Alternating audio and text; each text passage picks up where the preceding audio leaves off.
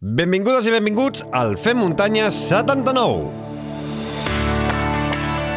Comut, l'aplicació per descobrir, planificar i compartir rutes patrocina el Fem Muntanya, el podcast dels esports outdoor en català, amb Xavi Alujas. Com esteu, Fem Muntanyeros i Fem Muntanyeres? Benvinguts al Fem Muntanya, el podcast dels esports outdoor i en català. Moltes gràcies a tothom per haver-nos triat un cop més. Comencem el darrer programa del 2022, si ens escolteu abans de fer el canvi d'any, o el primer programa si ho feu després. De totes maneres, eh, ja ho sabeu que la màgia del podcast és eh, que sigui el més atemporal possible i que ens pugueu escoltar quan vulgueu i que les converses tinguin el màxim de vigència possible. Avui us hem preparat un podcast més concentrat, com el caldo de Nadal. Tindrem diverses eh, converses en format una mica més breu del que és habitual aquí en el Fem Muntanya, que ens agrada xerrar, ens agrada tenir converses doncs, sense un límit de temps. Avui tindrem converses una miqueta més breus, eh, però això no significa que siguin ni molt menys menys interessants. Començarem parlant amb la nostra nutricionista Anna Grífols per parlar sobre els sucres de diferents, eh, des de diferents punts de vista. Seguirem eh, doncs, entrant a la biblioteca del Fem Muntanya amb el Marc Cornet i avui ens acompanyarà a la biblioteca el Pau Capell per parlar-nos del seu darrer llibre Lluita pel que vols, estima el que tens. I també repassarem la maroteca del 2022 amb l'Albert Torrent d'ultrascatalunya.com i ens ensenyarà, ens mostrarà el calendari de curses de cara al 2023. D'aquesta manera començarem a encerclar en vermell els dies eh, per posar-nos objectius de cara a l'any vinent. I, evidentment, no acabarem aquest Fem Muntanya 79 sense passar per la consulta del nostre coach esportiu, en Guillem Marchal. Si ens acabes de descobrir, no oblidis de subscriure't a la plataforma de podcast que facis servir habitualment i valora'ns positivament eh, amb 5 estrelles, amb un m'agrada. Això sempre ens ajuda a posicionar-nos una miqueta millor i que més amics i amigues ens eh, trobin, eh, si ens fan eh, un search, un, ens busquen a través de la plataforma de podcast. I si el programa t'agrada i vols que continuem publicant nous programes, hi ha diverses maneres de col·laborar amb el podcast. La primera és fent-se mecenes a través de l'enllaç que tens a les notes del podcast i per només 1 euro amb 99 cèntims al mes ens donaràs el teu suport econòmic i nosaltres, a canvi, eh, donarem la possibilitat de participar en sortejos que fem eh, habitualment. La segona manera és eh, comprant una camisa tècnica Flying Burrito i fent servir el codi FEMMUNTANYA 10 vosaltres tindreu un 10% de descompte i a nosaltres ens ajudareu amb una petita comissió. L'enllaç el teniu també a les notes d'aquest capítol. Moltes gràcies a totes i a tots els que hi col·laboreu d'una forma o d'una altra i feu possible aquest podcast. I no us oblideu que tenim una gran, gran, gran, gran comunitat Fem Muntanyera a Telegram. Eh, també ens trobareu a Twitter i a Instagram com a arroba femmuntanya. Us deixem la nostra pàgina web femmuntanya.cat eh, per eh, trobar tots els articles i tots els programes anteriors. I recordeu que teniu un correu electrònic femmuntanya arroba femmuntanya.cat on ens podeu eh, fer arribar les vostres consultes pels nostres especialistes en nutrició, en material, en, eh, a través de doncs, l'aspecte més, eh, doncs, eh, més psicològic, eh, també doncs, podem parlar d'història, tot el que allò que ens vulgueu fer arribar, ja ho sabeu, femmuntanya arroba femmuntanya.cat.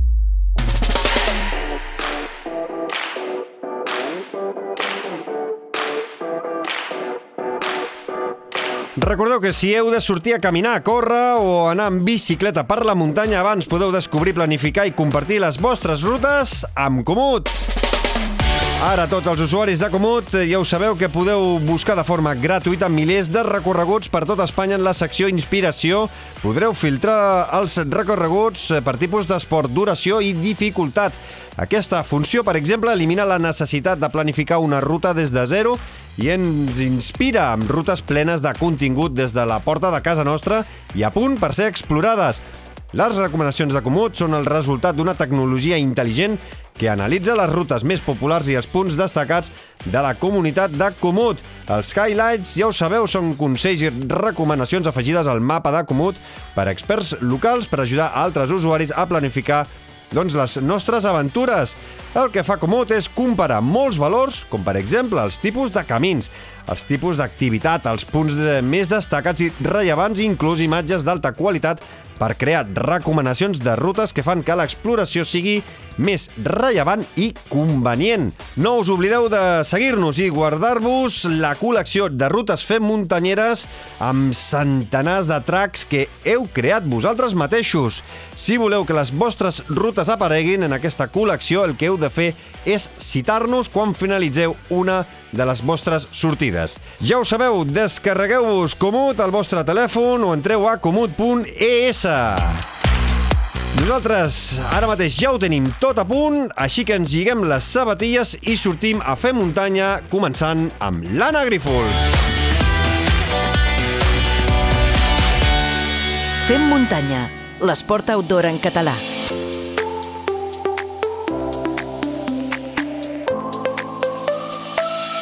Donem la benvinguda a la nutricionista esportiva de NutriExpert i col·laboradora del Fem Muntanya i nutricionista d'un munt de corredors i corredores ben coneguts a casa nostra. Anna Grífols, ben tornada al Fem Muntanya. Molt bon dia, encantada. Com estàs? Tot bé? Molt bé, molt bé, i amb ganes d'una temporada nova. Doncs, eh, a veure, en la secció d'avui m'ha sorgit uns quants dubtes eh, sobre els sucres i els hidrats de carboni a partir d'un vídeo que va publicar a les xarxes socials a través de Twitch, si no recordo malament, Luis Enrique, que parlava sobre els pagats eh, a l'hora de doncs, de, per mirar-se la glucosa en sucre, si era bo, si no era bo, ell deia que era fantàstic, eh, pels esportistes d'èlit, eh, on en aquest cas esportistes de resistència era una bona forma de poder controlar els aliments que ingereixes, com puja i com baixa la corba de, de la glucosa. També el mateix Andreu Simón ja ens va explicar aquí al Fem Muntanya que per controlar la seva diabetis també porta un pagat d'aquest tipus que a través d'una aplicació li controla la glucosa i d'aquesta manera pot controlar la ingesta d'hidrats o d'insulina. A veure, Anna, per començar, i comencem pel principi, què són els sucres i quins tipus de sucres tenim?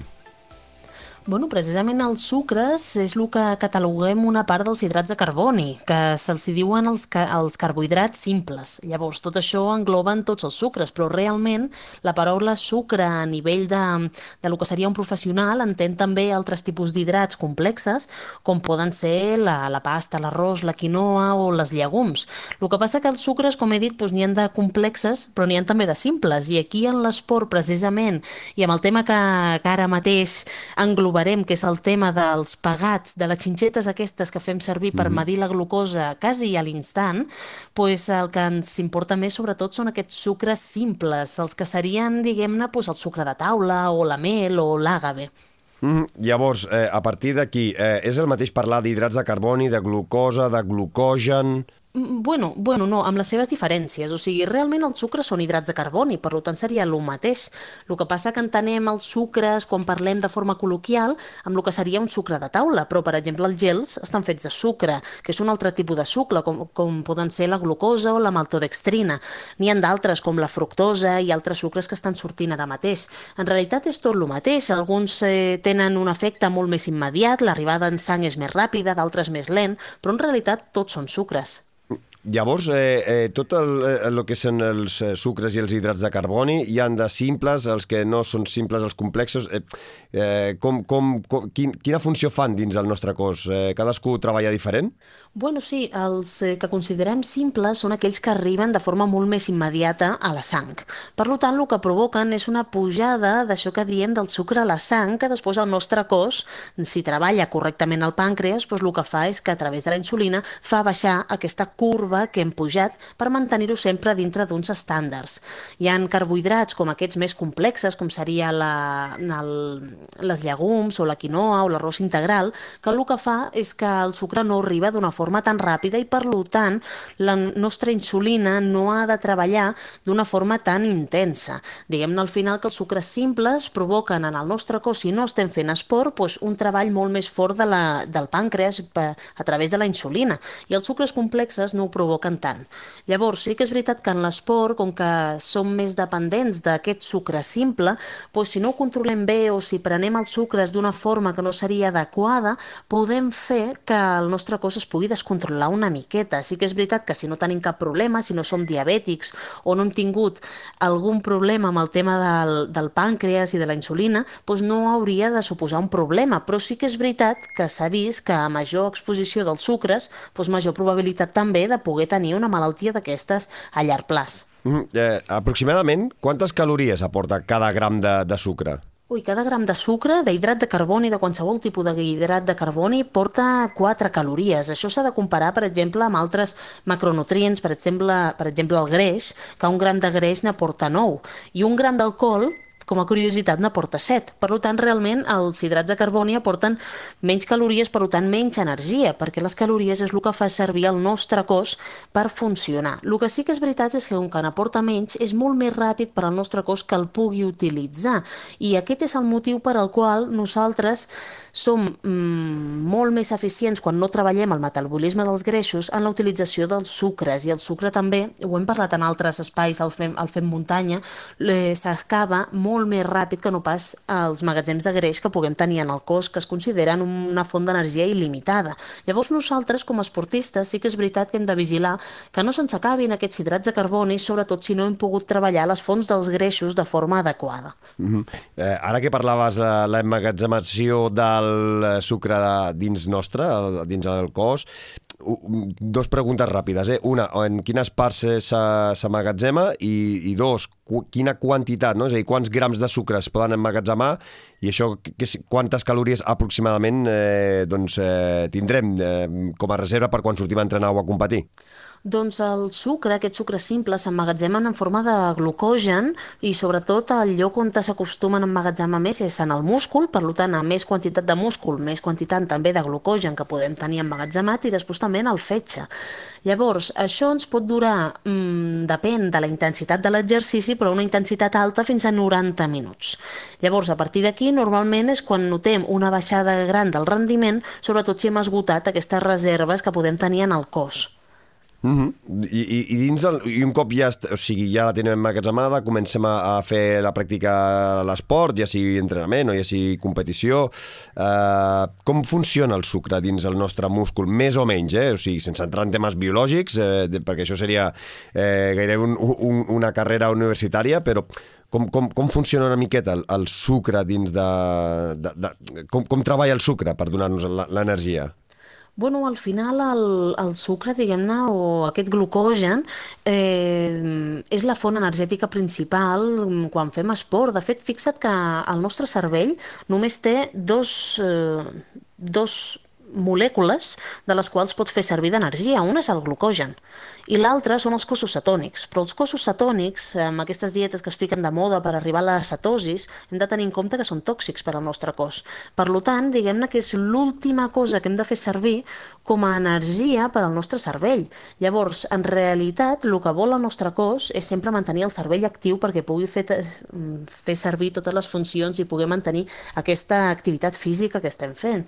Llavors, la forma de funcionar al final és, quan nosaltres estem fent esport, com més ràpid ràpid, com més intens sigui aquest esport, més necessitat de sucre tindrà. Com menys intens és, normalment s'intercanvia i més eh, greix utilitza. Uh mhm. -huh. Llavors, això en realitat no és que si nosaltres anem suaus només tirem de greixos i si anem molt ràpid només tirem d'hidrats. Realment és una balança que es va compensant, però sí que és veritat que a més intensitat, aquí podríem estar parlant, per exemple, de carreres curtes de menys de mitja marató, 5K, 10K, 15 quilòmetres, carreres doncs poden ser carreres molt intenses on aquesta glucosa s'utilitzi moltíssim. També la podem utilitzar en carreres de llarga distància en moments puntuals, com per exemple un canvi de rasant, un sprint puntual, eh, un moment on te vulguem adelantar amb un corredor. Llavors, totes aquestes situacions on hi hagi un canvi de ritme o una situació d'estrès, per exemple, ens hem espantat o ens hem tossat el turmell i se'ns han accelerat les pulsacions, doncs poden ser moments on el nostre cos necessiti més hidrat de carboni. Llavors, en realitat, va molt relacionat amb el que són les pulsacions, perquè el corredor de peu ho pugui entendre. A pulsacions més elevades, normalment més necessitat d'hidrat de carboni, que no passa a pulsacions molt més suaus on nosaltres puguem estar parlant tranquil·lament amb el nostre company o, o que puguem respirar amb relativa facilitat. Mm, a veure, eh, això està clar, eh? en esports de resistència necessitem els hidrats de carboni per no tenir aquesta baixada de rendiment i no quedar-nos buits, però sempre hem de recuperar amb gels energètics, és a dir, quan ens ve la famosa pàjara al mur, eh, el, el, que, el, el més ràpid i el més eh, pràctic eh, i el més efectiu és sempre un gel energètic o hi ha altres opcions? Mm, aviam, hi ha altres opcions naturals, però sempre la base ha de ser en base a hidrat de carboni i simple millor quan estem fent la pràctica esportiva, durant la pràctica esportiva. Per què?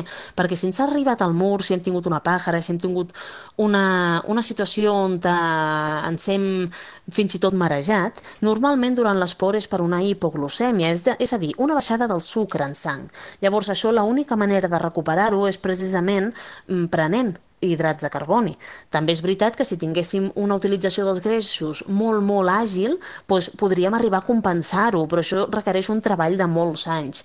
Llavors, realment mmm, sí que necessitem el gel o qualsevol aliment que pugui ser ric en hidrats de carboni. Per exemple, podem utilitzar els potets de fruita d'aquests flexibles, podem utilitzar el codony, podem utilitzar els dàtils, però al final són aliments que tinguin un alt contingut d'hidrat de carboni per recuperar aquesta glucèmia que ens ha baixat puntualment i ens ha arribat a, a conduir a una situació de pàjara puntual. Ara fa uns dies havia vist eh, una història teva a Instagram que parlaves d'una una, una videoconsulta d'algun de, dels corredors que tu portes, que parlava sobre el tema de prendre gels eh, abans d'una cursa, no? I era molt interessant. Clar, deies, no és dolent prendre't un gel just abans de la sortida, però ha de ser just abans de la sortida, no uns minuts abans. Per què això? Bueno, mira, si pensem nosaltres, si ens funciona correctament tot el que és el pàncreas i aquest sistema de la insulina que hem estat explicant, al final el que fa el cos és corregir els excessos de sucre. Llavors, hi ha molt gent, quan nosaltres estem en una, en una competició, en el calaix de sortida, veiem molts corredors que es prenen un gel no immediatament abans, sinó fins i tot estan allà 5 minuts abans i es prenen aquest gel mm, aviam, si tu ja ho has provat i et va bé, d'acord, fes-ho. Però el que et pot provocar és que el teu cos, com que no està utilitzant el sucre, tingui una pujada molt gran de sucre en sang i automàticament el que fa el teu pàncreas és començar a alliberar insulina per baixar aquesta gran pujada que tu li has donat de cop i volta en el teu cos. Això què passa? Que et fa ja començar l'esport amb una, el que jo li dic, una fatiga mm, prompta, no? una fatiga que ha arribat massa aviat. Per què? Perquè la insulina al final t'ha baixat el sucre en sang, t'ho ha corregit, i a més a més, com que tens la insulina funcionant en el teu cos, quan tu comences a córrer et notes cansat. És a dir, que el que estàs provocant realment és tot el contrari a el que realment vols aconseguir. Llavors, sí que és veritat que un cop comences a fer esport o si te'l prens immediatament abans del tret de sortida i comences a mobilitzar-te, sí que s'ha vist que la insulina no surt de forma tan ràpida el torrent sanguini, és molt més lleuger, perquè tu començaràs a utilitzar aquest sucre que s'ha alliberat a la sang. Llavors, per això, la meva recomanació, quan em van preguntar això precisament, de què opinava de prendre un gel justament abans, era aquesta, dir, bueno, si ho has provat, bé, però la recomanació sempre dels professionals de la nutrició esportiva és que te'l prenguis justament abans, no 5 minuts o 10 minuts abans, perquè pots provocar-te l'efecte contrari al que vols. Llavors, eh, mm, aproximadament des de que jo m'agafo agafo un gel i me'l prenc, eh, quan triga a, mm, de mitjana a fer, fer, o sigui, a actuar la insulina en el cas de que no estigui fent esport? Ui, pensa que això és eh, tan ràpid com quan comença a pujar el sucre en sang. Hi ha una, hi ha una barrera, no? Al final, això ens va molt bé per explicar el que deies al principi, aquest, aquest eh, pagat del Luis Enrique que explicava sobre la glucosa, i és que al final hi ha uns rangs. El rang ideal per fer esport es considera dels 90 als 150 de glucosa en sang. Vale? Llavors, eh, què passa? Que nosaltres si prenem un gel i aquest sucre en sang comença a augmentar tant que sobrepassa els 150, la insulina immediatament començarà a fer efecte. Llavors, això és molt individual, dependrà molt de cada corredor, però sí que és veritat que ho notarem quan comencem a fer esport, perquè si nosaltres ja comencem a sortir i notem, i notem que no anem àgils, que la cosa no rutlla, al final és perquè realment hem pres aquest, eh, aquest complement massa aviat. Llavors, això precisament ens pot, eh, el pagat aquest que deia Luis Enrique ens pot anar molt bé per controlar això, perquè si tu ja tens una glucèmia ajustada entre 90 i 150, potser no fa falta que prenguis res. Llavors, tu pots anar amb el que has pres per esmorzar, inclús el que has sopat el dia anterior, anar directament en el, en, bueno, a fer la teva pràctica esportiva. Ara, si resulta que quan tu fas mm. les teves medicions una miqueta abans de l'inici de la competició, veus que tens la glucèmia per sota de 90, per sota de 80, o acostant-se a la hipoglucèmia, que podria passar en situacions de molts nervis o molt estrès, doncs llavors sí que seria interessant ingerir alguna coseta més per remuntar aquesta glucèmia, perquè si no ens trobarem amb exactament la mateixa situació. Aquests eh, pegats eh, per mesurar la, la glucosa en sang, eh, els recomanes o els, els has fet servir tu amb algun dels teus esportistes o no? Aviam, sí, fa, fa molts anys que estan al mercat realment i els vam fer servir moltíssim en, precisament en esportistes diabètics i a partir d'aquí pues, és l'experiència que he tingut. Eh, a partir dels esportistes diabètics, que era potser els que controlàvem molt més el tema de la glucèmia i vaig començar a fer servir també glucòmetres en certs estudis, pues, al final vam veure que, que realment era molt interessant controlar la glucèmia en sang. Ara, també és veritat que aquests, eh, aquests pagats s'ha de tindre en compte que tenen un cert retard. Quan nosaltres detectem on s'arriba l'alerta al mòbil que ens està baixant la glucèmia, vol dir que ja fa 10-15 minuts que està baixant la glucèmia. Per tant, això ho hem de tenir en compte perquè si és així i estàs ja en situacions quasi d'hipoglucèmia, doncs al final és que mm, no t'has alimentat bé els últims, segurament la última mitja hora. Vale? Llavors, no ens serveix per modificar-ho a l'instant perquè podem arribar tard per aquest retard que té, però sí que és veritat que ens ajuda a conèixer-nos molt millor i de forma molt més ràpida que el test error, que és el que estem fent ara mateix. És car, és cert, però al final, amb sis mesos d'utilitzar el pagat, podem arribar a controlar molt bé la glucèmia i com ens canvia en funció dels aliments. De fet, el mateix aliment, si nosaltres abans o després fem una lleugera caminata, té uns pics de glucèmia completament diferents que prendre el mateix si no hem fet esport abans o després. I això està molt bé perquè al final ens, port, ens dona un programa informàtic on hi ha un barem farem amb aquesta glucèmia ideal i ens ensenya, en funció de cada ingesta que nosaltres hem fet, com puja i baixa les curves de glucèmia al llarg de tot el dia. Així que realment sí, crec que té un ús molt interessant. També és veritat que s'ha de conèixer i per, jo crec que han de ser també els professionals de la nutrició esportiva qui, qui ajudi a l'esportista a poder determinar quins aliments són millor per ell tant abans com després d'entrenar com en el seu dia a dia perquè no se'ls descontroli la glucèmia i aquí veurem també moltes variacions interindividuals. A una persona l'arròs blanc li pot sentar molt malament i fer-li unes pujades molt grans de glucèmia en sang i per tant la insulina haurà d'alliberar-se molt, molt més ràpid i potser a aquesta mateixa persona si li diem mira, camina mitja horeta després de prendre l'arròs blanc, resulta que aconseguim la glucèmia dintre dels paràmetres que volem. Llavors, com que és tan individual, crec que al final és, eh, és un un barem interessant per qui vulgui començar a investigar i experimentar amb ell mateix amb el tema de la glucosa. Jo crec que després d'aquesta masterclass de 17 minuts eh, podem tancar la paradeta i anar aprenent apunts, eh, tornar a reescoltar la secció en paper i llapis i jo crec que d'aquí es poden treure idees i conclusions de com eh, treballar no, el sucre i treure un, un màxim rendiment eh, amb ell i què és el que ens pot anar bé i què és el que no ens pot anar bé i com sempre, sempre en cas de dubte, doncs teniu l'Anna Grífols que us podeu posar en contacte amb ell a través de NutriExpert i també a través de les seves xarxes socials. Com sempre, un plaer xerrar amb tu i aprendre tantes coses. Cuida't, una abraçada i fins a la propera. Moltes gràcies. Fins la propera.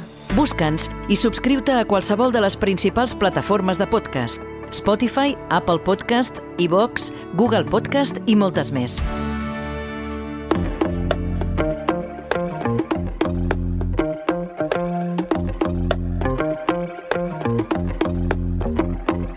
Moment ara per posar una nova fita, un nou llibre a la biblioteca del Fem Muntanya i el darrer muntanya de llibres d'aquest any 2022 i volíem que fos realment especial. I no tinc cap mena de dubte que així serà perquè, de fet, comptarem amb un protagonista d'excepció. De moment, saludem el Marc Cornet. Marc, com estàs? A veure, dona'ns alguna pista per on van els trets. Bona, Xavi. Doncs avui us porto un regal anticipat de Nadal i, de fet, crec que el regal també ens l'ha fet eh, ell a tots nosaltres. Eh? Parlo de forma indirecta de l'autor del llibre, amb el qual, de fet, arribarem ja a la vintena de propostes al muntanya de llibres. I quan dic que és un regal, sobretot ho dic perquè poques vegades l'autor d'un llibre, en aquest cas un dels millors corredors de muntanya de tots els temps, doncs s'obre en canal per mostrar-se tal i com és. I precisament aquest crec que és el gran sentit de l'obra que us acosto avui. La sinceritat i sobretot arribar a parlar més de la persona, fins i tot que de l'esportista perquè sense una no podem comprendre l'altra, això està ben clar, eh? o més ben dit, entenent la primera, és a dir, la persona, podrem arribar a conèixer encara més la segona, per tant, l'esportista. Mm -hmm. Un llibre i un corredor que es presenten amb un lema que ja s'ha universalitzat, eh? Lluita pel que vols i estima el que tens. Avui ens endinsem en la intrahistòria del Pau Capell, guanyador de l'UTMB de l'any 2019 i triple vencedor de l'Ultra Trail World Tour als anys 2018, 2019 i 2021, a més també, lògicament, eh, d'haver-se imposat en desenes de curses importants i significatives arreu del món. Avui porto sota el braç un llibre que realment m'ha colpit, Pau Capell, Lluita pel que vols i Estima el que tens, editat per Cossetani Edicions dins de la seva col·lecció Fora de joc. Mm, Marc, a mi, a veure, eh, eh, vaig justet de temps i em queden encara algunes pàgines per acabar-lo, però fins el que estic llegint eh, estic gaudint-lo i, i la veritat és que tinc la sensació que el Pau està al meu costat, al meu costat explicant-me la, la, la, cada capítol i cada narració. Jo no sé, tu que l'has pogut llegir sencer, si ens podries fer 5 cèntims de què és el que hi podem trobar. Mira, doncs sembla mentida, però dona la sensació que, que en Pau hagi viscut més de 3 vides senceres, eh? I això que només té 31 anys. Més enllà de narrar-nos doncs, algunes de les seves gestes com a corredor de muntanya, el que realment crec que més m'ha agradat, el que m'ha colpit, com deia abans, és que en Pau, en primera persona, ens narra les seves pròpies vivències més personals. Lògicament, sí, relacionades amb els seus èxits, que són molts, i també amb els seus fracassos, que són pocs, com a corredor de muntanya d'elit. Però no és un compendi heroic, ho dic, aviso en aquest cas als navegants, perquè no és un compendi heroic de les seves gestes ni tampoc de les seves victòries, sinó que podria venir a ser una reflexió molt més personal del que comporta l'èxit i el fracàs i de com tot això, en definitiva, ens condiciona a l'hora de conformar la nostra pròpia personalitat. No? La pròpia frase del títol del llibre crec que ja n'és una mostra ben clara, lluita pel que vols i estima el que tens. De fet, hi ha una paraula que crec que sobrevola constantment per damunt de les 189 pàgines d'aquest llibre, que és la família.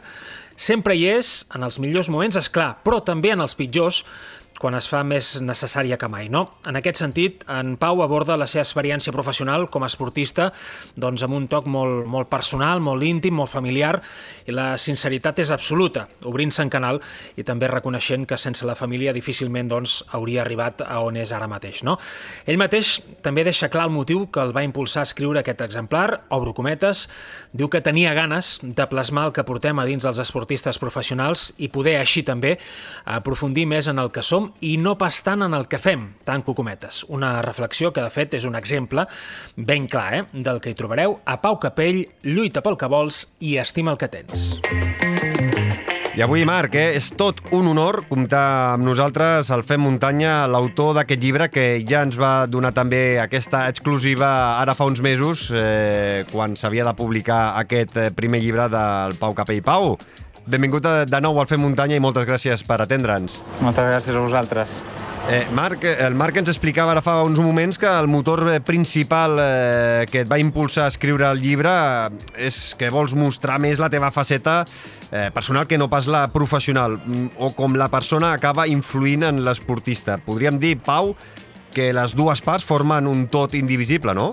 Sí, totalment, i molts cops avui dia ens fixem molt no, amb, amb el que fem exactament és, és això, no? Ens, la gent es fixa molt en el resultat, en, en aquesta faceta d'esportista, doncs, les xarxes socials i tot el, el que envolta no? a, a, en aquest món del trail running, però em venia molt de gust explicar alguna que no s'explica normalment, eh, que és el dia a dia de l'esportista, els moments bons, els dolents, eh, el que sentim, que també sen som persones i sentim moltes coses, i dintre el llibre hi ha cosetes que jo mai havia explicat, i que just quan el vaig escriure passava per un moment personal, bueno, no, no sé si complicat, però, però molt obert i, i em va servir doncs, per, per treure-ho tot. Pau, com a enginyer que ets, fins a quin punt necessites que tot el que tens al teu voltant rodi en la mateixa direcció per tal d'assolir els reptes esportius que et proposes? Ho dic sobretot perquè en aquest sentit la família i els amics són l'eix capdalt que t'ajuda a tenir totes aquestes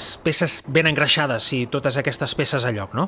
Sí, eh, soc massa maniàtic i massa ordenat en aquest sentit i em passa organitzant una cursa, em passa entrenant i em passa també amb això, eh? Quan, quan hi ha cosetes de, de la meva família, amics, eh, pares, parella, coses que surten de la línia que jo crec que han de seguir, ostres, se'm desestabilitza una mica tot, no? I, I sí que intento sempre... Això té la part bona, que quan tot està alineat, doncs, eh, tinc el doble de força que qualsevol persona, però quan ha la línia que se'n va una miqueta, doncs, bueno, sempre, sempre m'afecta, no? I, i bueno, com bé dèieu a la introducció, doncs, bueno, el llibre menciono la família molts cops perquè per mi és, és el pilar bàsic. Mm -hmm. eh, Pau, què és el que més t'ha costat a l'hora de buidar-te d'una forma tan personal en aquest llibre? Mm, mira, potser a l'inici, a l'inici, el, el no saber... Perquè jo, mira, quan vaig començar a escriure el llibre era el 2020, eh, potser postpandèmia, o, o durant la pandèmia fins i tot, vaig començar a escriure i, i era un moment de la vida doncs, bueno, que estava solter, que, que la meva vida havia canviat molt, havia guanyat el Montblanc l'any anterior, però al mateix temps la meva vida sentimental pues, havia fet un, un gir molt gran i, i bueno, era una mica això, no? Pues, no sabia realment si em volia obrir o no i, i aquest inici va ser complicat. No? L'inici d'escriure el llibre va ser eh, anem a veure què surt i ja et dic, va ser començar a escriure la primera frase i, i és que el llibre el vaig escriure molt ràpid. En el llibre dius textualment que la ment és responsable molts cops de les nostres capacitats, no? Fins a quin punt, per sort, s'està normalitzant també aquesta qüestió, no només dins l'esport d'elit, sinó també dins la nostra societat. Ho comento sobretot també per la sinceritat amb la qual afrontes el teu moment personal després d'haver guanyat l'UTMB l'estiu de l'any 2019 i sembla contradictori, però el teu millor moment esportiu va coincidir també amb el teu pitjor moment, almenys a nivell personal. Pues, eh, hauria de ser més comú de, del que és avui dia. Mol, molts cops ens tapem, no? I, i per no preocupar la gent o per, per potser no donar pena o, o no ser menys que els altres, intentem només ensenyar lo, lo maco, no? I, I crec que lo maco avui dia és això, és intentar dir, bueno, estic bé, somriem tots, però estic malament i no passa res, i, i tothom està malament, i, i el dia de demà pues, intentarem estar bé. I dintre del llibre, pues, com bé has, has vist, eh, pues, bueno, hi ha un moment de la meva vida que és, és clau i, i bueno, que, que l'explico totalment amb, amb sinceritat. Mm -hmm. eh, Pau, tinc eh, subratllat una frase teva a la pàgina 122 en què dius que molts cops ens atrau allò que sembla impossible per la seva duresa. En aquest sentit, eh, jo et volia preguntar fins a quin punt baixar de les 20 hores eh, a l'autotrell del Mont Blanc s'ha convertit en una fixació, un objectiu per tu? Bueno, és el meu projecte de vida avui dia. És, eh, L'any que ve aniré per això, aniré a intentar fer el Mont Blanc en menys de 20 hores i, i aquest serà el meu objectiu. Eh, també era el meu objectiu córrer l'UTMB quan em vaig, vaig somiar en ser esportista i quan vaig ser esportista professional el meu somni va ser guanyar-lo. Per tant, eh, molts cops sembla impossible, perquè a mi m'ho semblava, i quan ho aconsegueixes dius, veus, valia la pena no? ficar-te en això. Segurament la sinceritat, la passió i l'esforç són capdals perquè amb aquests tres elements i també amb el suport necessari de la família i dels amics, suposo que lluitar pel que vols i estimar el que tens sempre és més fàcil, no? I almenys com a mínim et permet anar superant de forma acompanyada els entrebancs que, que la vida et posa al davant, no? De fet, si no és amb passió i esforç, jo almenys no entendria que una persona criada a Sant Boi, al costat de la petita muntanyeta de Sant Ramon, hagi estat capaç de ser el millor corredor de muntanya, almenys durant 3 anys i dins d'un dels millors de tota la història. Bueno, és, és bàsic, és l'equilibri. Eh, en el llibre parlo no, de l'equilibri aquest de, de família i esport, doncs tenir-lo en equilibri és, és, eh, per mi és fonamental. I, i bueno, Sant Ramon és petitona, sí que és veritat que és una muntanya petitona, però no sé què té, no sé si és l'aire que, que passa per allà al mig, però que és com si entrenessis en alta muntanya. Eh? Jo sempre dic que, que és un, per mi és un privilegi ser de Sant Boi i poder entrenar allà perquè estàs a propet de tot i bueno, ara que visc a Andorra ho trobo molt a faltar. Molts dies també baixo a Sant Boi doncs, per entrenar allà. Uh -huh. Escolta, Pau, eh, un altre dels punts essencials en els que incideixes també en el llibre és que vivim en una societat excessivament resultadista, eh, està claríssim, en el que poques vegades es té en compte el procés per arribar a assolir els objectius, ja siguin esportius, socials, laborals, o no sé, o potser inclús més, més personals. Sí, sí, sí, ens fixem només en això. Eh, és una pena, però si ja ho hem vist ara amb el, amb el Mundial de Futbol, per exemple, no? eh, ha guanyat Argentina i, i, bueno, i sembla pues, això, que és la, la millor selecció del món i potser no ho és, no ho sé, eh? però eh, després eh, tu pot, pots retirar d'una cursa i, i bueno, eh, sembla pues, que, que la feina que s'ha fet prèvia a cursa no serveixi per res. Ens fixem només en un resultat, però ja et dic, eh, per nosaltres, pels esportistes, i és el que intento fer en el llibre, és intentar explicar no tant el que fem, que és un resultat, sinó què hi ha darrere d'un resultat, què, què passa no, a la nostra vida, que, que per nosaltres és molt més important que un resultat, tot i que depenent d'aquest resultat.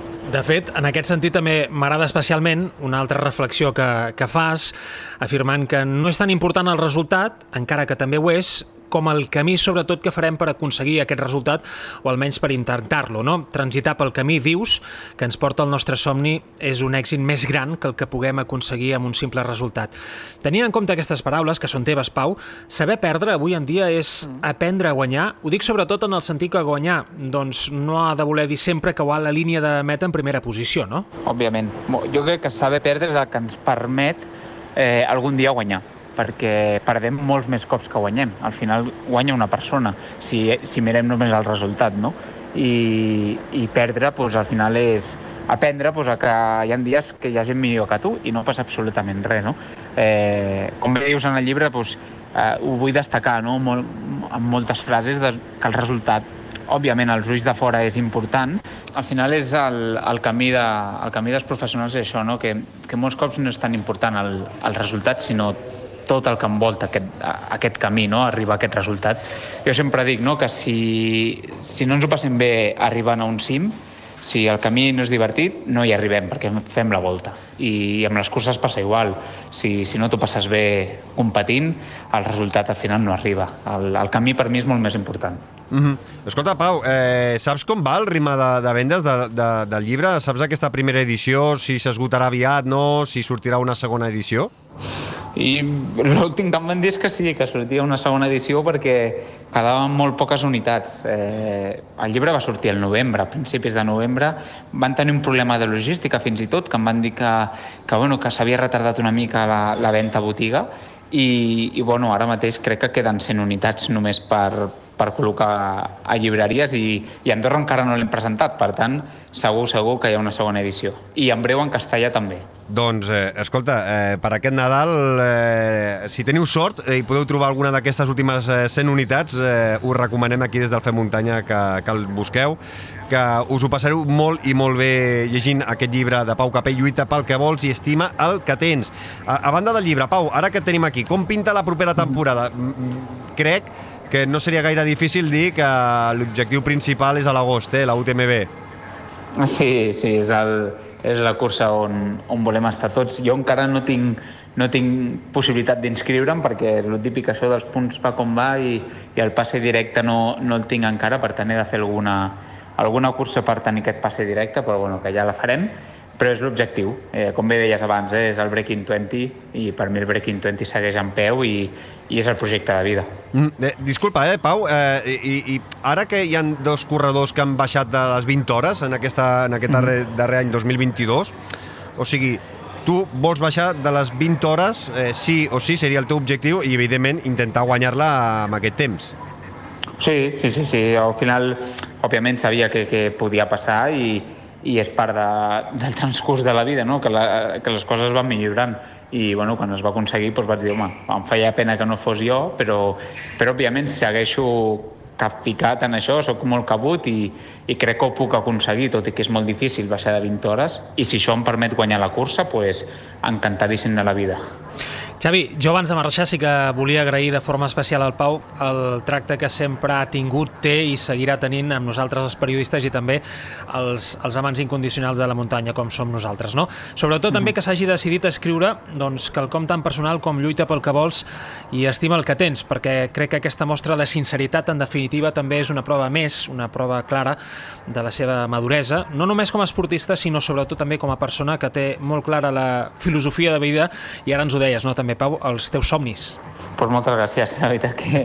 O sigui, aquest és el premi, eh? us, us he dit de, de tot cor. Eh, ho he dit eh, molts cops, jo no, això no és un negoci del llibre perquè no guanyo un duro, però rebre aquests inputs i que ma mare llegeixi el llibre, o el meu pare, o la, la Laia, i que em diguin és que he plorat llegint aquest capítol, o quan he llegit això, o que maco ha sigut això, això aquest llibre es queda a casa meva per tota la vida i, i és el millor regal que li puc fer a la meva família. I com que m'ajuden tant, doncs mira, és una, una coseta que els hi dono per ells.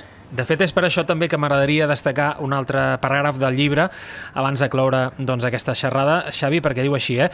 Creure en el que un fa és vital per aconseguir els somnis. Molts cops no es podrà tenir la qualitat d'altres persones que persegueixen els mateixos objectius, però la qualitat no fa la diferència. El que fa la diferència és la manera com fem front al somni si realment ens surt de dins. La clau es troba en l'actitud. Doncs eh, frase, gran frase per tenir-la marcada eh, amb foc a dins del nostre cap. Eh? Pau Capell, moltes gràcies per haver-nos acompanyat en aquest darrer Fem Muntanya del 2022. Un plaer i sobretot, com deia el Marc, no deixis d'assumir a mai i posar-nos eh, doncs, eh, tot tan fàcil, perquè, a veure, la gent eh, també s'ha de, fer, de ser una mica introspectiu i, i, i dir les coses tal com són. El Fem Muntanya és un podcast petit, modest, i sempre que hem requerit doncs, eh, d'alguna declaració del Pau, sempre que hem volgut parlar amb ell, sempre ens ho ha posat fàcil, sempre ha tingut un sí, s'ha de dir, no ens ha rebutjat mai, eh, cosa que de vegades, alguna vegada ens ha passat, i amb el Pau això no, no ha passat mai. I la veritat és que s'ha de dir i s'ha d'agrair públicament. Continua lluitant pel que vols i estimant el que tens. Pau, una abraçada enorme i que passis, eh, un, que tinguis un, un gran 2023 i t'anirem seguint des del Fem Muntanya i anirem parlant. Segur. Una abraçada, cuida't. Moltes gràcies, una forta abraçada. Marc, com sempre, també moltes gràcies a tu per les teves propostes. Eh, ens veiem, que d'aquí 15 dies en el primer podcast del 2023, no? Així és. En el proper any ens veurem, eh? ens veurem d'aquí un any. Cuida't molt, eh, Marc, com sempre, moltes gràcies eh, per la gran feina que fas i que acabis de passar unes molt bones festes a costat de la teva família. Cuida't, una abraçada. Xavi, ja saps que el plaer sempre és meu. Com sempre us dic, eh? salut muntanya i més que mai, molta lectura. Regaleu llibres, sobretot, en aquestes festes de Nadal, que llegir és de forma gratuïta, segurament, la millor forma també de tenir més sapiència i ser més intel·ligents. Molt bones festes. Envia'ns les teves opinions a través de Twitter, Instagram o del correu electrònic femmuntanya arroba femmuntanya.cat.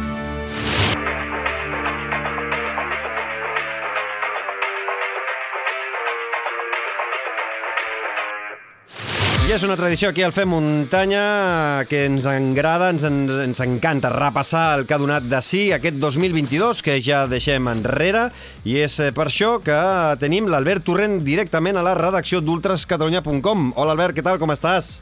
Hola Xavi, què tal? Com eh, proven aquestes festes i sobretot eh, que no has parat eh, aquest eh, Nadal i aquest Sant Esteve? Sí, mira, hem estat a dues curses al costat de, de casa, aquí a Catalunya, i bueno, ens ho hem passat força bé ja esperant aquest eh, cap d'any per eh, acabar de rematar-ho i ja preparant la temporada que ve. Avui amb l'Albert, a més a més de repassar la maroteca d'aquest 2022, també donarem un cop d'ull al calendari de curses pel 2023, per si no sabeu, doncs no sé, no teniu encara clar els objectius i voleu començar a marcar en vermell alguns dies, eh, doncs avui l'Albert eh, començarà a donar algunes opcions. Comencem per això, ja que aquesta setmana no hem fet l'actualitat, perquè, de fet, hi ha hagut eh, només les curses eh, típiques de, de Nadal, no hi ha hagut eh, grans competicions, eh, així que l'actualitat aquesta setmana li hem donat festa, hem inclòs aquesta petita part d'actualitat aquí avui al Fem Muntanya 79. Eh, per on comencem? Estadístiques. Quants eh, corredors i corredores han volgut cremar torrons amb un dorsal al pit, Albert? Sí, doncs aquest cap de setmana, 24, 25 i 26 de desembre, doncs han participat un total de 2.020 corredors, repartits entre 8 curses per muntanya, dels quals 1.478 van ser homes i 542 dones i la prova més participació va ser la cursa del bolet d'Ullastrell amb 423 corredors que es va celebrar doncs, ahir el dia de Sant Esteve. Estic convençut de que algun d'aquests eh, 2020 corredors i corredores eh, potser van repetir eh, el dia de Nadal i el dia de Sant Esteve, Sí. que és molt Sí, típic sí. Que, que hi hagin eh, corredors que corrin amb dorsal tant el dia de Nadal com el dia de Sant Esteve. Albert, eh, tu, eh, ho que hem de dir ara mateix, has estat en dos proves eh, doncs, eh, gaudint-les eh, de, diferents formes. Eh, a, la, a la pujada de la Mola per Nadal, el dia 25, vas estar a dalt eh, veient com anava, anaven arribant els primers corredors i corredores. Com va quedar la cosa, Albert? Sí, doncs com sempre, doncs, eh, doncs una, una pujada de, que ja és clàssica, que va celebrar la seva 39a edició amb un dia radiant, que qui va pujar a primera hora doncs, des del cim va poder veure el- la illa de Mallorca, des de dalt, i els guanyadors doncs, eh, d'aquesta d'aquesta cursa doncs, van ser el Jan Margarit i la Mireia Hernández. I el dia de Sant Esteve doncs, eh, vam estar a la cursa de, de Nadal a Bellmunt, eh, que va celebrar la seva dotzena edició, i déu nhi amb la línia de sortida, amb, una, amb un nivell de corredors realment espectacular. I els guanyadors d'aquesta dotzena edició doncs, van ser el, el Ionet, que amb només 18 anys doncs, eh, va guanyar aquesta cursa nadalenca, en Jan Margarit segon i en Jan Castillo tercer.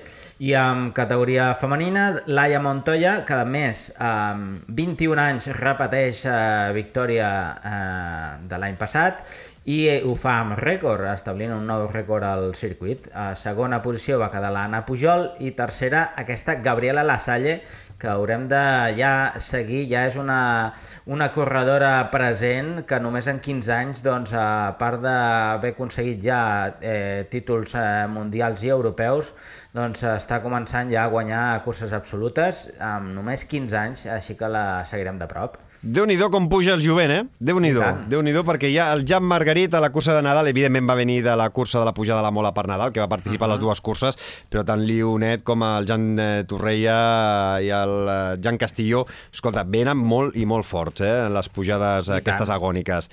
A veure, eh, comencem aquest, aquest repàs, aquesta meroteca que ens agrada repassar el Fem Muntanya, de què és el que ha donat eh, aquest any 2022, i una de les bones notícies és el creixement eh, de la nombre de curses eh, que s'han fet eh, justament abans de la, que, abans de la prepandèmia. Sí, uh, sí, abans de...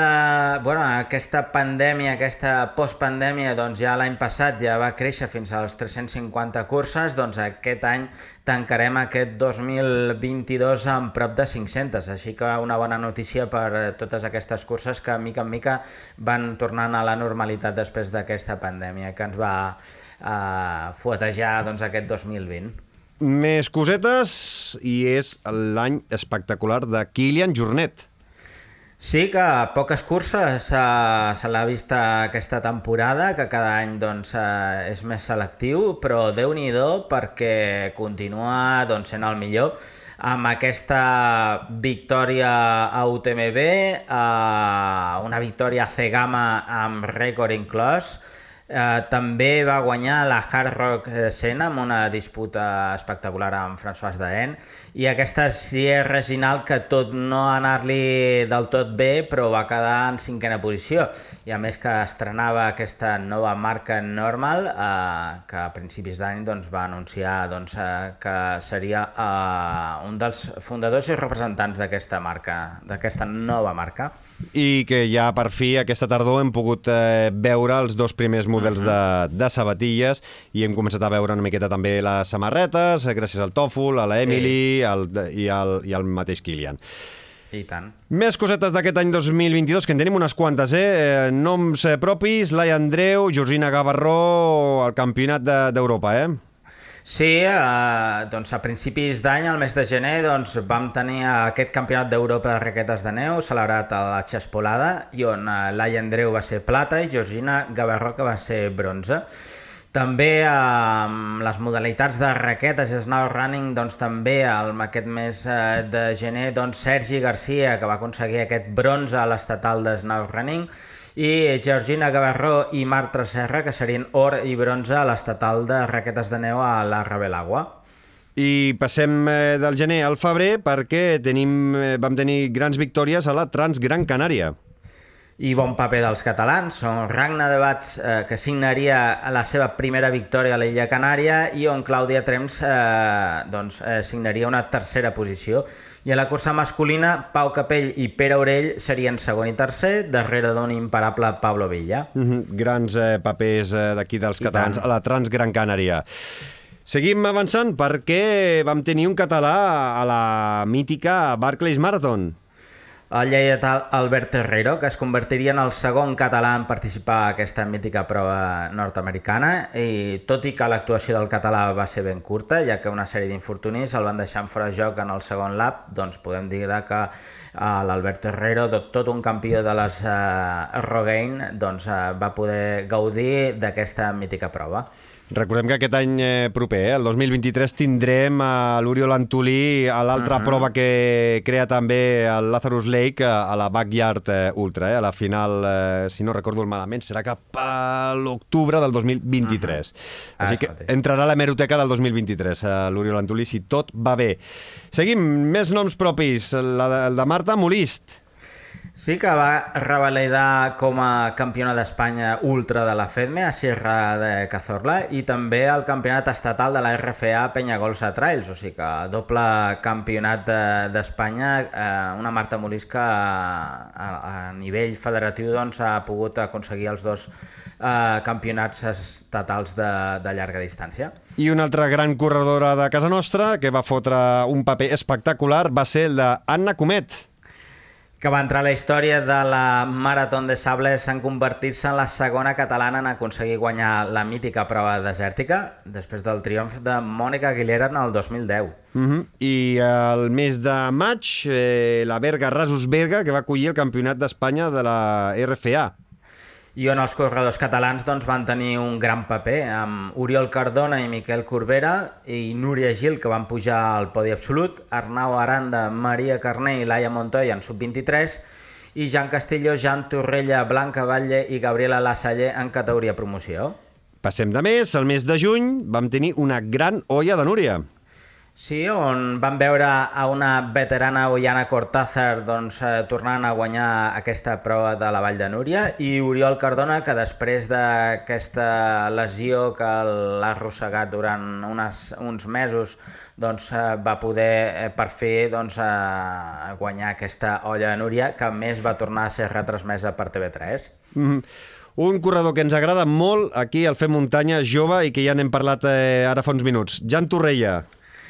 Que es va coronar com a sots campió d'Europa de pujada vertical a La Palma, així que l'enhorabona per en Jan Torrella, el noi de Bagà, que torna a estar a dalt, a dalt de tot. I de ben segur que si les lesions eh, no lastren, doncs tindrà un gran 2023. Un corredor que ha anat de menys a més aquest 2022, com és eh, el català Andreu Simón. Sí, Andreu Simón que va guanyar la Vall d'Aran by UTMB i que a més doncs, eh, amb asfalt doncs, va provar aquesta marató de Sevilla amb un espectacular temps de 2 hores 20 minuts i 46 segons sent el millor temps català de l'any. Albert, vam tenir pluja de medalles dels corredors catalans en el Mundial Juvenil de Skyrunning.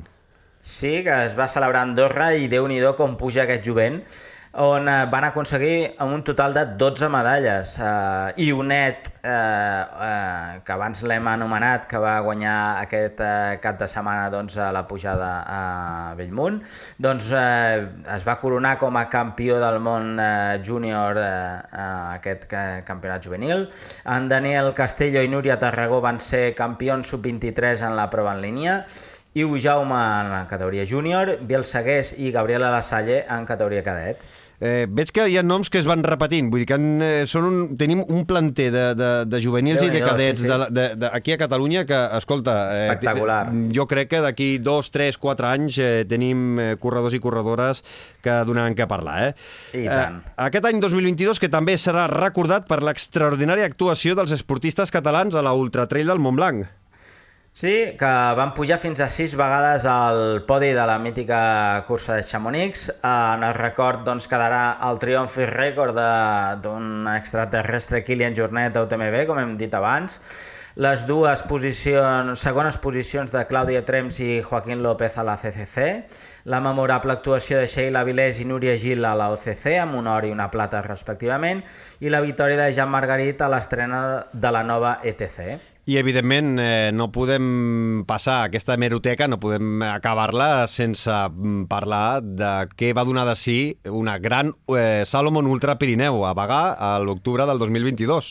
Sí, que com eh, bé recordaran els nostres oients, doncs eh, va haver-hi les victòries de, de Núria Piques mm, després del seu retorn a l'alta competició i de Miguel Eras eh, després d'una lluita amb, eh, amb el rus eh, Dimitri Mitiaev i amb Pau Capell que a més amb la seva victòria doncs, es corona com el corredor que més vegades va guanyar aquesta Ultra Pirineu. Doncs, eh, escolta, aquesta és la meroteca que tu has triat eh, per repassar d'aquest any 2022. Eh, recordeu que, escolta, si voleu ampliar-la, estarem encantats de llegir eh, les vostres opcions a la nostra comunitat de Telegram. Eh? Busqueu Fem Muntanya a Telegram i ens trobareu molt i molt fàcil. Repassem curses, eh, opcions. Què ens recomanes de cara a aquest 2023 per començar el mes de gener? Sí, doncs mira, eh, podem eh, recomanar una cursa d'aquí de casa nostra, com és la Llanera Trail de Sabadell, el 22 de gener. Uh, seguirem el 29 de gener amb aquest Trail Roca Corba de Canet d'Adri. Uh, el 2 d'abril el Trail Cerdanyola, que serà campionat de Catalunya de la FCA. El 16 d'abril a Lloret, eh, la Lloret Trail, que serà campionat d'Espanya de carreres de la RFA. El 29 d'abril, la 35 de Pauls, que eh, doncs, acollirà aquest campionat d'Espanya ultra de la FEDME. Una clàssica de casa nostra, com és la cursa de l'Alba, que es farà el 7 de maig. El 13 de maig, la, els Bastions, a Vall de Núria. El 20 de maig, la Berga Trail, que acollirà el Campionat de Catalunya Ultra de la FEC. El 1 i 2 de juliol, la Garmin Epic Trail a Barruera. El 6, del 6 al 9 de juliol a la Vall d'Aran by UTMB. I després ja ens anirem al setembre, on déu nhi aquesta tardor que vindrà, que començarem el 16 i 17 de setembre amb la Real Machicots, el 24 de setembre la pujada al Montsià que acollirà el Campionat de Catalunya de la FEC. El 30 de setembre i 1 d'octubre amb aquesta Ultra Pirineu el 6 d'octubre l'Olla de Núria i acabarem el 14 d'octubre amb el Trail del Bisaure.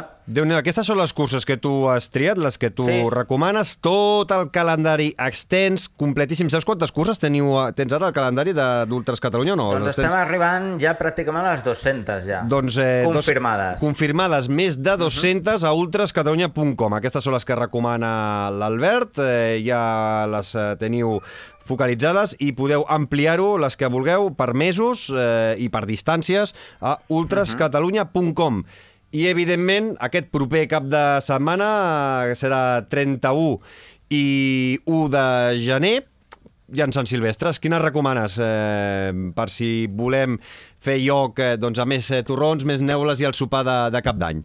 Sí, doncs acabarem l'any amb tres Sant Silvestres, com és la d'Avinyó, a la comarca del Bages, a la Llorençana, que es farà al Marquet de la Roca, al Vallès Oriental, i a Artesa de Segre, a la comarca de la Noguera, amb el trail d'aquest Sant Silvestre d'Artesa de Segre. Doncs eh, déu nhi això no para i teniu opcions eh, per triar i remenar i si no, com sempre, podeu sortir a gaudir de la muntanya amb amics, eh, amb coneguts, saludats i si no, sols, escoltant el Fem Muntanya amb els vostres eh, auriculars.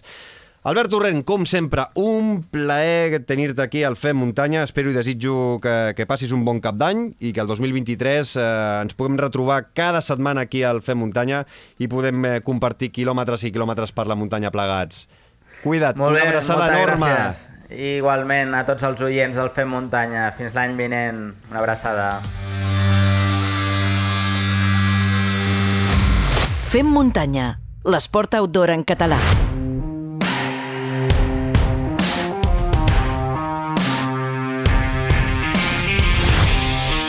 Ara fa 15 dies en el eh, Fem Muntanya 78 ens va acompanyar el eh, Guillem Marchal. No vam passar per la seva consulta, sinó que ens va posar al dia de com va viure des del seu punt de vista la 3 dies Trail Ibiza. Va ser els nostres ulls i les nostres cames, però avui sí que entrem a la seva consulta de forma oficial. Obrim la porta i allà tenim a Guillem Marchal. Què tal, Guillem, com estàs? Molt bones, Xavi, família muntanyera. Escolta, primer de tot, desitjo que hagueu passat un molt bon Nadal, eh? Bueno, de fet, eh, qui més, qui menys ha passat un Nadal esportiu perquè, doncs, escolta, eh, tota la gent que vaig seguint eh, via, doncs, eh, Comut, eh, doncs la gent no ha parat de fer sortides i, evidentment, com no pot ser ja una tradició, tu i jo, eh, també amb altres amics, eh, doncs ens vam trobar a Can Robert, a Matadepera, per fer la tradicional eh, pujada a la mola per Nadal. Tens raó, donant exemple, oi? Home, s'ha de, De practic fet- de practicar donant exemple, sempre. Exacte, exacte. De fet, ja fa temps eh, que em plantejo aquestes festes com un exercici de compensar la balança preventivament. Abans feia els àpats eh, familiars i després pretenia fer esport, cosa que no acabava passant mai, degut a aquelles sobretaules interminables i el cunyadisme que et posava la família en contra quan t'aixecaves per fer esport.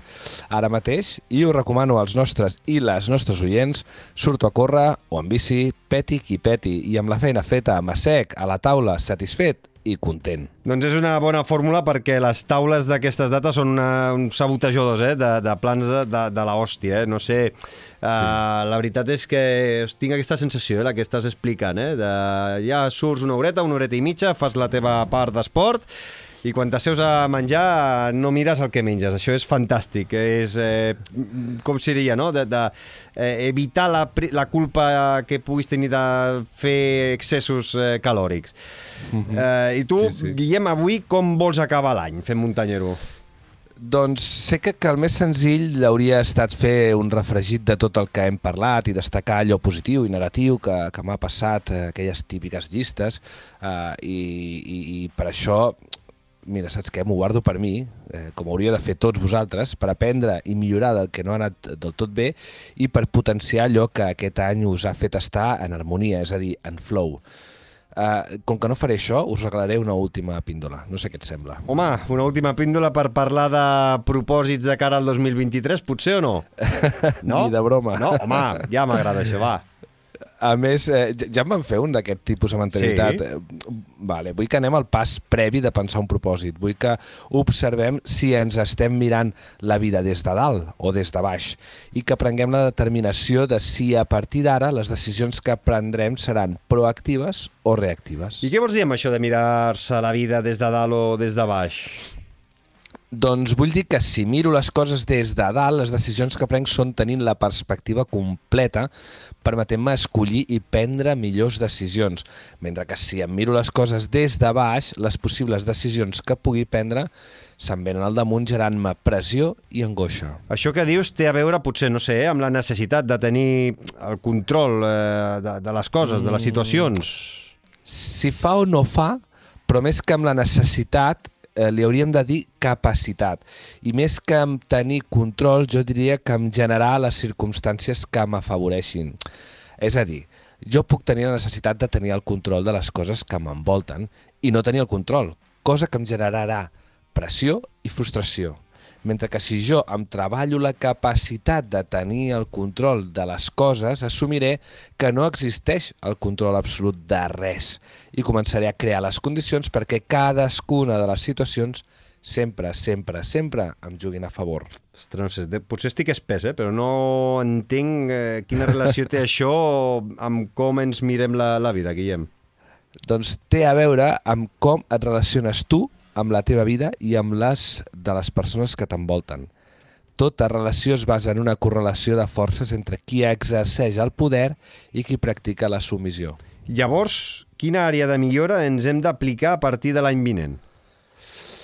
Mira, us recomano que feu un repàs aquest any que heu acabat i si us sorprèn el que observeu, comenceu a tirar enrere a veure des de quan penseu que podríeu haver fet les coses diferents.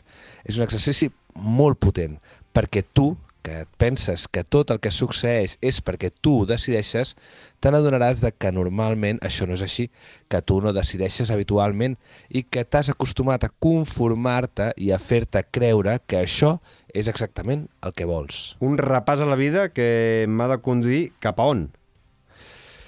Senzill, abraçar la incertesa, a entendre que no tens el control de res, a veure que hi ha molta gent lluitant per un trosset de control que és una farsa, a deixar de mirar la vida des de baix perquè et converteixes en el ruc de càrrega que arrossega les decisions dels altres i a començar a crear les condicions perquè allò que pugui succeir s'apropi més a allò que vols, que no pas allò que t'ha tocat viure. Si jo us hagués de donar un consell d'avui per l'any vinent, us diria que deixeu de fer plans i deixareu d'estar sotmesos a un pla de vida que us ve donat i tingueu objectius per a que la vida us posi en el camí correcte sempre i quan us mireu la vida des de dalt i com el que és, un premi. Guillem, crec que m'has fet pensar, eh? En com sempre vaig a remolc de les coses i, i en deixo ben poques, em sembla que com la majoria que, que ens escolten. Em sembla que tinc uns dies encara per posar cara a això que, que estic començant a intuir, eh? Per sort. A veure, Guillem, eh, que cadascú faci les seves reflexions amb aquests, doncs, aquestes hores, aquestes darreres hores d'aquest 2022 i a veure què podem millorar de cara al 2023.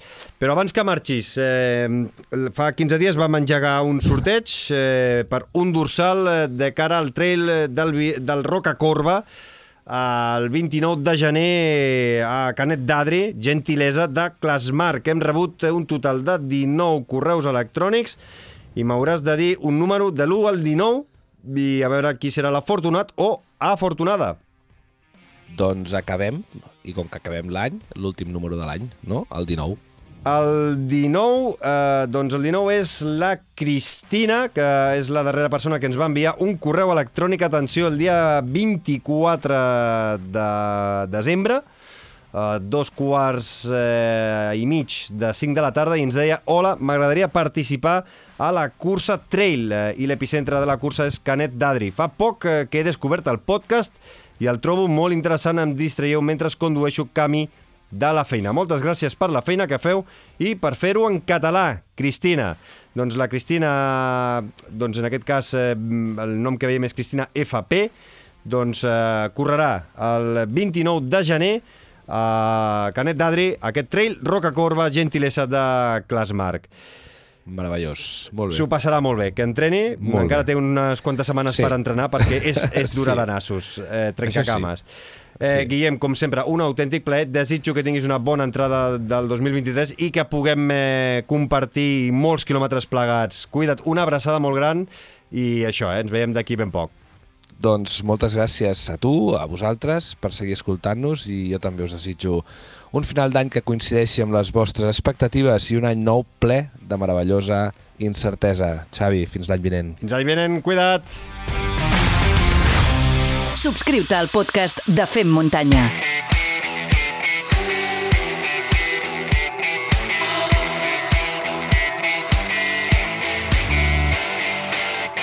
Arribem al final d'aquest Fem Muntanya número 79. Espero que us hagi agradat i l'hagueu gaudit. Podeu escoltar tantes vegades com vulgueu. Si és així, no oblideu que podeu subscriure-us a qualsevol plataforma de podcast. Eh, Heu d'activar les notificacions per rebre'n una cada vegada que publiquem un nou capítol, un nou contingut i valorar-nos positivament. I si compartiu el capítol a les vostres xarxes socials, us estarem eternament agraïts.